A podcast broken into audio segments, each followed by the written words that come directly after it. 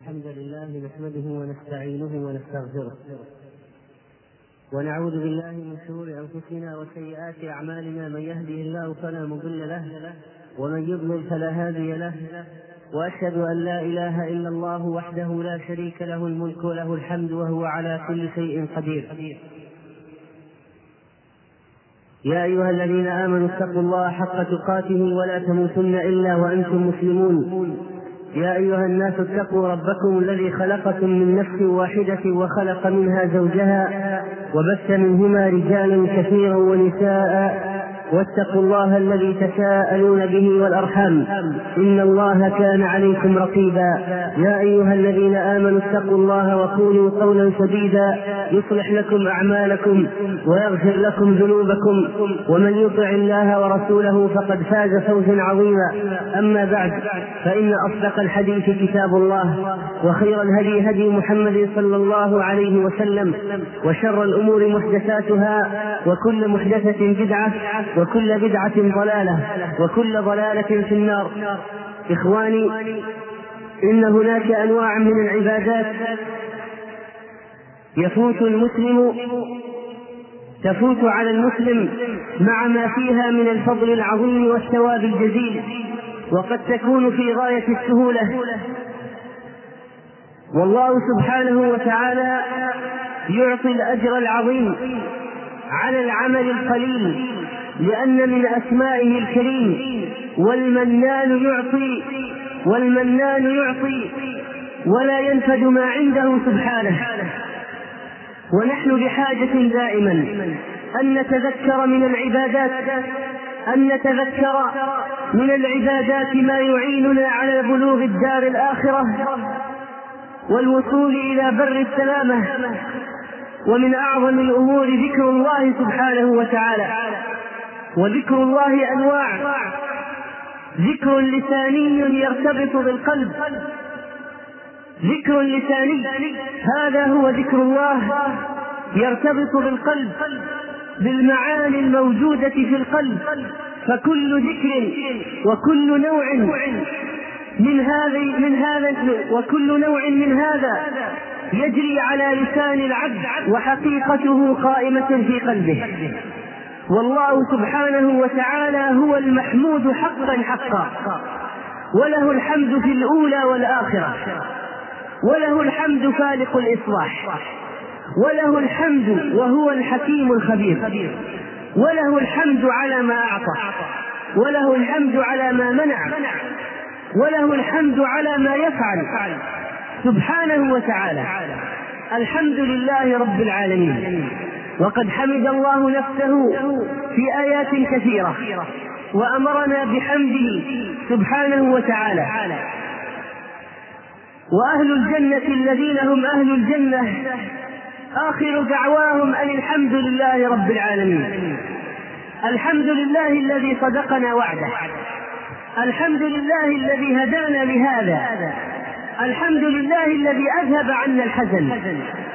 حمد الله عبادة عظيمة. حمد الله يعني رضا العبد عن أفعال ربه. حمد الله يعبر عن تسليم العبد لقضاء ربه. حمد الله حمد الله أيها المسلمون. الحمد لله تملأ الميزان. هذه الكلمة العظيمة في ثوابها وثقلها تملأ الميزان. الحمد لله تملأ الميزان. وقال النبي صلى الله عليه وسلم أفضل الدعاء الحمد لله. كما قال أفضل الذكر لا إله إلا الله. يأتي نبينا صلى الله عليه وسلم وبيده لواء الحمد يوم القيامة. فالله سبحانه وتعالى هو المحمود يحمد على كل شيء يعطي سيد الأولين والآخرين بيده لواء الحمد فيقوم به صلى الله عليه وسلم. وكان عليه الصلاة والسلام يتأول القرآن فلما نزل قول الله تعالى فسبح بحمد ربك واستغفره قال عليه الصلاة والسلام سبحان الله وبحمده. كان يتأول القرآن. سبحان الله وبحمده. والله قد أمرنا أن نسبحه بحمده وأن نقول سبحان الله وبحمده. دائما نحافظ على هذه الكلمات العظيمة التي يغفل عنها أهل المعصية أهل الغفلة.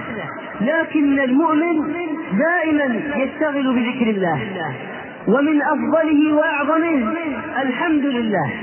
ألم تر أن أعظم سورة في القرآن وهي سورة الفاتحة؟ كيف ابتدأت الحمد لله رب العالمين. تبتدئ بهذه الجملة العظيمة.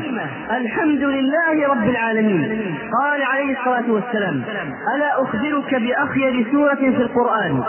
الحمد لله رب العالمين. إذا قال العبد الحمد لله رب العالمين قال الله حمدني عبدي. وقد ورد فضل هذه الكلمة العظيمة مع غيرها وورد فضلها مستقلا في عدد من النصوص دلالة على أهميتها. قال صلى الله عليه وسلم خذوا جنتكم من النار قولوا سبحان الله والحمد لله ولا إله إلا الله والله أكبر فإنهن يأتين يوم القيامة مقدمات ومعقبات ومجنبات وهن الباقيات الصالحات يأتين يوم القيامة أمام الذاكر ومن خلفه وعن يمينه وشماله يحطمه هذا إكرام الله للذاكر للذي يكثر من قول سبحان الله. والحمد لله ولا إله إلا الله والله أكبر. وقد التقى نبينا محمد صلى الله عليه وسلم بإبراهيم الخليل. لما أسري به فماذا قال له؟ إبراهيم أقرئ أمتك السلام وأخبرهم أن الجنة طيب ترابها. طيبة التربة عذبة الماء. وأخبرهم أن غراسها غراس الجنة؟ سبحان الله والحمد لله. ولا إله إلا الله. والله أكبر. فهذه وصية من إبراهيم عليه السلام إلينا جاءتنا عبر نبينا محمد صلى الله عليه وسلم.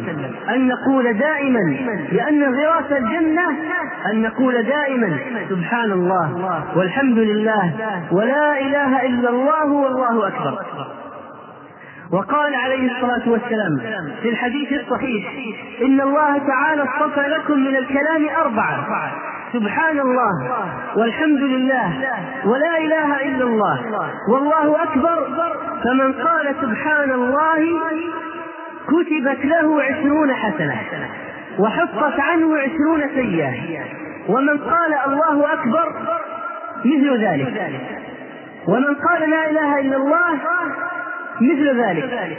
ومن قال الحمد لله رب العالمين من قبل نفسه خالصا لله خالصا لله.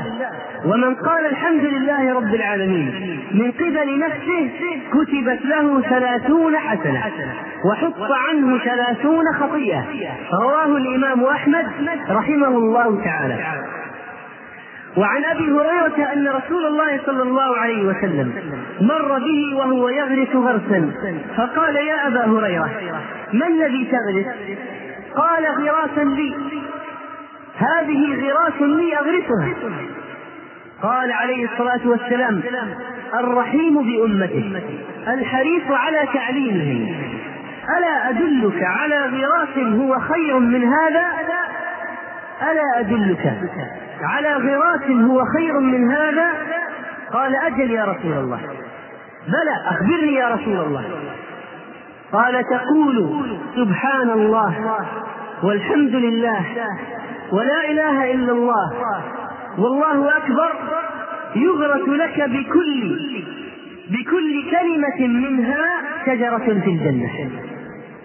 تقول سبحان الله والحمد لله ولا إله إلا الله والله أكبر يغرس لك بكل كلمة منها شجرة في الجنة.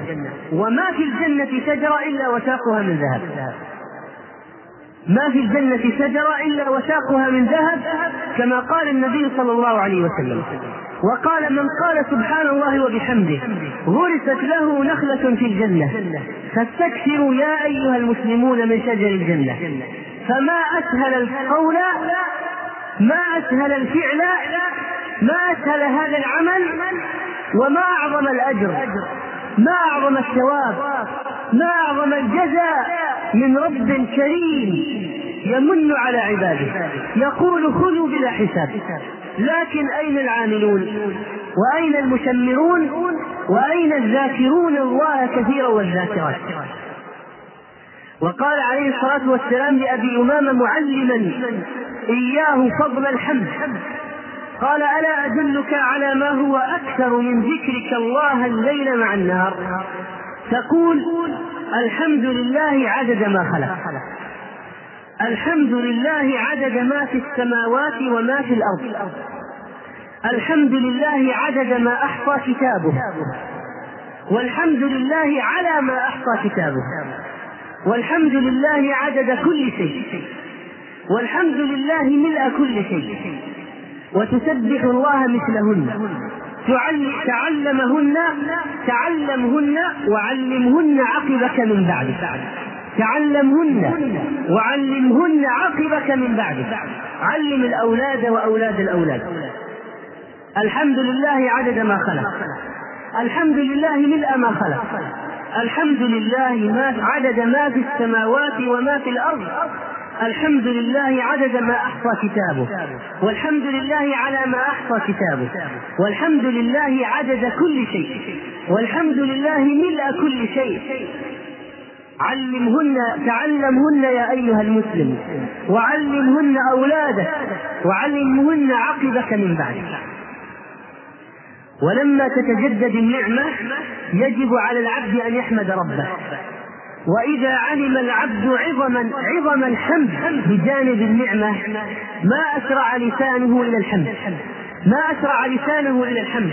قال عليه الصلاة والسلام ما أنعم الله على عبد نعمة فحمد الله عليها إلا كان ذلك الحمد أفضل من تلك النعمة. ما أنعم الله على عبد النعمة فحمد الله عليها إلا كان ذلك الحمد أفضل من تلك النعمة. فالحمد لله على ما أنعم وعلى نعمه وإن تعدوا نعمة الله لا تحصوها. والحمد سبب لرضا لرضا الرب عن العبد. حمد حمد العبد لربه سبب للرضا من الرب. فقال عليه الصلاة والسلام إن الله ليرضى عن العبد يأكل الأكلة فيحمده عليها أو يشرب الشربة فيحمده عليها. وقال عليه الصلاة والسلام لما دخل عليه وبنت له تقضي. قال كلاما عظيما. وهذه القصة صحيحة رواها ابن عباس. قال أخذ النبي صلى الله عليه وسلم بنتا له تقضي. تحتضر تحتضر تموت.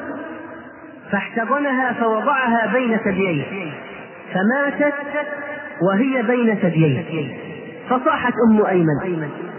فقيل أتبكي عند رسول الله صلى الله عليه وسلم؟ فقالت أتبكي.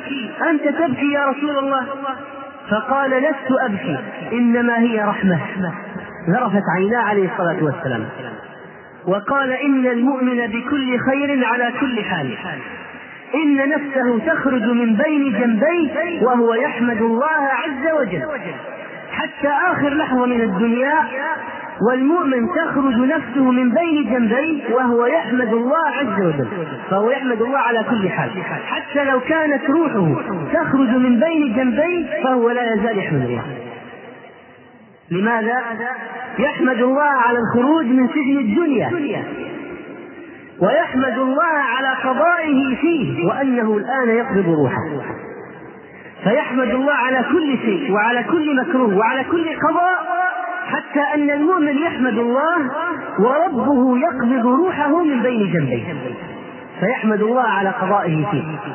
يحمد الله على لذة الحياة ونعمتها الحياة التي أثناها في طاعة الله. فهو يحمد الله على أنه أعطاه النعمة التي حي بها فذكر ربه وعبده.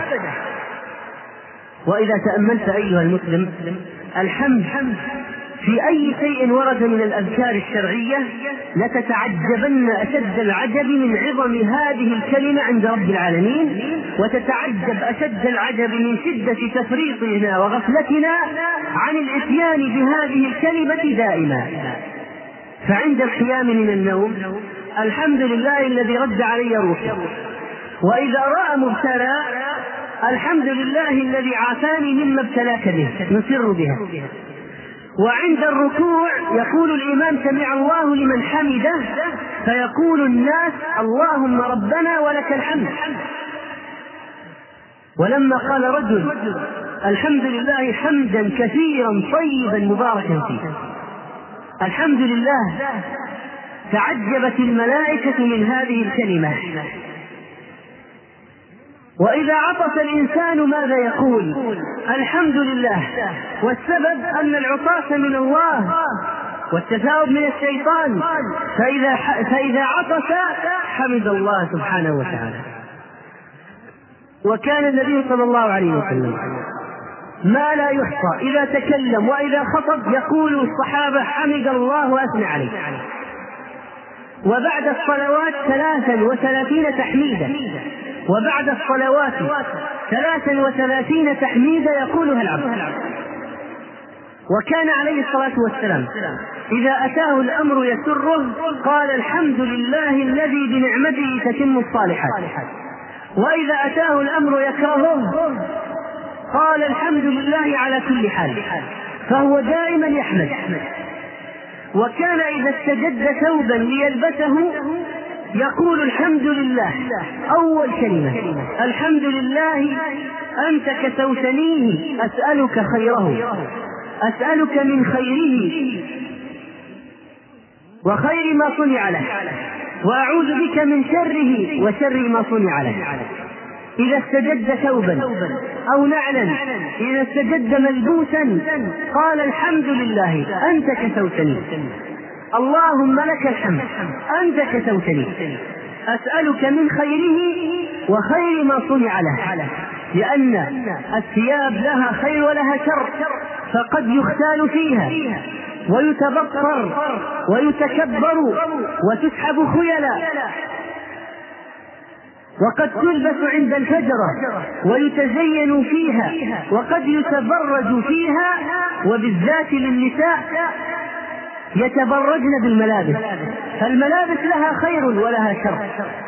ولذلك كان عليه الصلاة والسلام يقول اللهم أسألك أسألك من خيره وخير ما صنع له وأعوذ بك من شره وشر ما صنع له والحمد في الطعام عبارات عظيمة عجيبة خرجت من في رسول الله صلى الله عليه وسلم. حفظها الصحابة. ولو تأملت في هذه العبارات يا عبد الله لوجدت لوجدت شاهدا على شدة حمد الرسول لربه وإخلاصه لله. في هذا الحمد كان إذا قرب إليه طعام قال بسم الله. فإذا فرغ قال اللهم إنك أطعمت وسقيت وأغنيت وأقنيت وهديت واجتبيت اللهم فلك الحمد على ما أعطيت.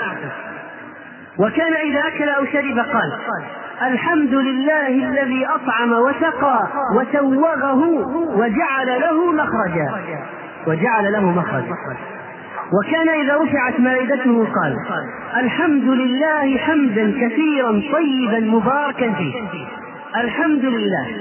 الذي كفانا وآوانا غير مكفي ولا مكفور ولا مودع ولا مستغنى عنه ربنا. الحمد لله حمدا كثيرا طيبا مباركا فيه. الحمد لله الذي كفانا وآوانا غير مكفي ولا مكفور ولا مودع ولا مستغنى عنه ربنا. وكان إذا أوى إلى فراشه صلى الله عليه وسلم يتذكر نعمة الله عليه. هذا التذكر الذي نفتقده نحن وننساه نحن ونغفل عنه نحن. كان إذا أوى إلى فراشه قال الحمد لله الذي أطعمنا وسقانا وكفانا وآوانا فكم ممن لا كافي له ولا مؤوي له. فكم ممن لا كافي له ولا موي له فيحمد ربه أنه كفاه وآواه سبحانه وتعالى. وكان إذا قفل من غزو أو حج أو عمرة يكبر الله على كل شرف من الأرض ثلاث تكبيرات. ثم يقول لا إله إلا الله وحده لا شريك له له الملك وله الحمد وهو على كل شيء قدير. آيبون تائبون عابدون لربنا حامدون. صدق الله وعده ونصر عبده وهزم الأحزاب وحده. وفي التلبية ماذا يقول الحاج والمعتمر؟ لبيك اللهم لبيك لبيك لا شريك لك لبيك. إن الحمد والنعمة لك والملك. إن الحمد والنعمة لك والملك.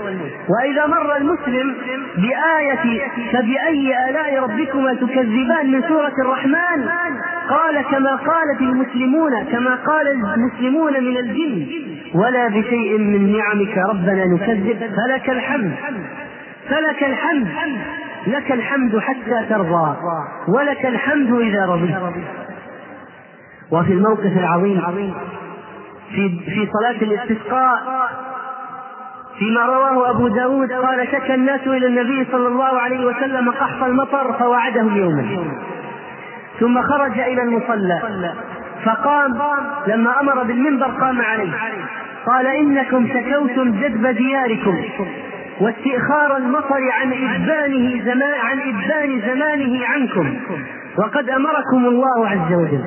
ووعدكم أن يستجيب لكم. ثم شرع صلى الله عليه وسلم بدعاء ربه. فماذا قال؟ أول ما بدأ بالدعاء قال الحمد لله رب العالمين. الرحمن الرحيم. مالك يوم الدين.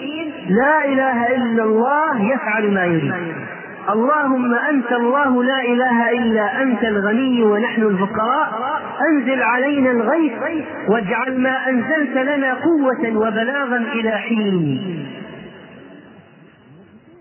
بدأ الحمد لله رب العالمين. الرحمن الرحيم. مالك يوم الدين يقول الله هذا لعبدي ولعبدي ما سأل ثم شرع في الدعاء. شرع في الدعاء. فأنشأ الله سحابة.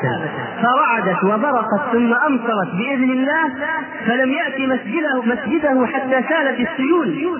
فلما رأى سرعتهم إلى الكنز والبيوت ضحك صلى الله عليه وسلم حتى بدت نواجذه فقال أشهد أن الله على كل شيء قدير وأني عبد الله ورسوله. فاللهم لك الحمد حمدا كثيرا طيبا مباركا فيه. اللهم لك الحمد كما ينبغي لجلال وجهك وعظيم سلطانك. اللهم ارض عنا وارزقنا حمدك وشكرك. أقول قولي هذا وأستغفر الله فاستغفروه إنه هو الغفور الرحيم. الحمد لله الحمد لله على كل حال. والصلاة والسلام على محمد والآل. وأشهد أن لا إله إلا الله هو الحميد وهو المحمود سبحانه وتعالى. لا إله إلا الله يفعل ما يريد. وصلى الله وسلم وبارك على نبينا محمد وعلى آله وصحبه ومن تبعه بإحسان. أيها المسلمون لا تغفلوا عن حمد الله. واذكروه سبحانه وتعالى دائما. فاذكروني أذكركم. واشكروا لي ولا تكفرون. الحمد على كل حال هذا فعل النبي صلى الله عليه وسلم. هذا قوله. حمد الله على كل حال. وقد حدثنا النبي صلى الله عليه وسلم عن رجل من بني إسرائيل قال لأتصدقن الليلة بصدقة. فخرج بصدقته فوضعها في يد سارق. فأصبحوا يتحدثون أصبح الناس يتحدثون. وضع في يد سارق وهو لا يدري أنه سارق. فأصبحوا يتحدثون تصدق الليلة على سارق. فلما سمع رجل وعلم قال اللهم لك الحمد على سارق. الرجل رضي وسلم وقال الحمد لله. اللهم لك الحمد. لك الحمد على ما حصل لم أكن أقصد السارق لكن هذا قضاؤك نية الصدقة. لك الحمد. اللهم لك الحمد على سارق لأتصدقن الليلة بصدقة. ولاحظ أنه يجعل الصدقة في الليل لإخفائها لأتصدقن الليلة بصدقة. فخرج بصدقته فوضعها في يد زانية وهو لا يعلم أنها زانية. فأصبحوا يتحدثون تصدق الليلة على زانية.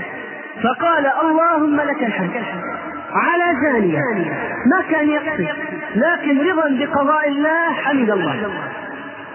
لا تصدقن الليلة بصدقة. فخرج بصدقته فوضعها في يد غني وهو لا يعلم أنه غني. فأصبحوا يتحدثون تصدق على غني. فقال اللهم لك الحمد على غني. فأصبحوا يتحدثون تصدق الليلة على غني. فالناس قالوا تصدق على غني. قال الرجل اللهم لك الحمد على غني. فأصبحوا يتحدثون بأمر الرجل عجبا. فقال اللهم لك الحمد على فارس وعلى زانية وعلى غني فأتي الرجل. قال العلماء أتي في المنام بمنام من الرؤى الصالحة. فقيل له أما صدقتك على سارق فلعله أن يستعف عن سرقته وأما الزانية فلعلها أن تستعف عن زناها. وأما الغني الغني فلعله أن يعتبر فينفق مما أعطاه الله. رواه الإمام البخاري رحمه الله. لما فوض الرجل ورضي بقضاء الله وقال الحمد لله اللهم لك الحمد لك الحمد لأنه يحمد عز وجل على كل حال. فجعل الله لهذه الصدقات الثلاث ثوابا عظيما. والأمور بالظاهر والله يتولى السرائر. ونية المتصدق تنفعه ولو وقعت في غير موقعها. وهذا يدل على فضل صدقة السر وبركة التسليم لأمر الله.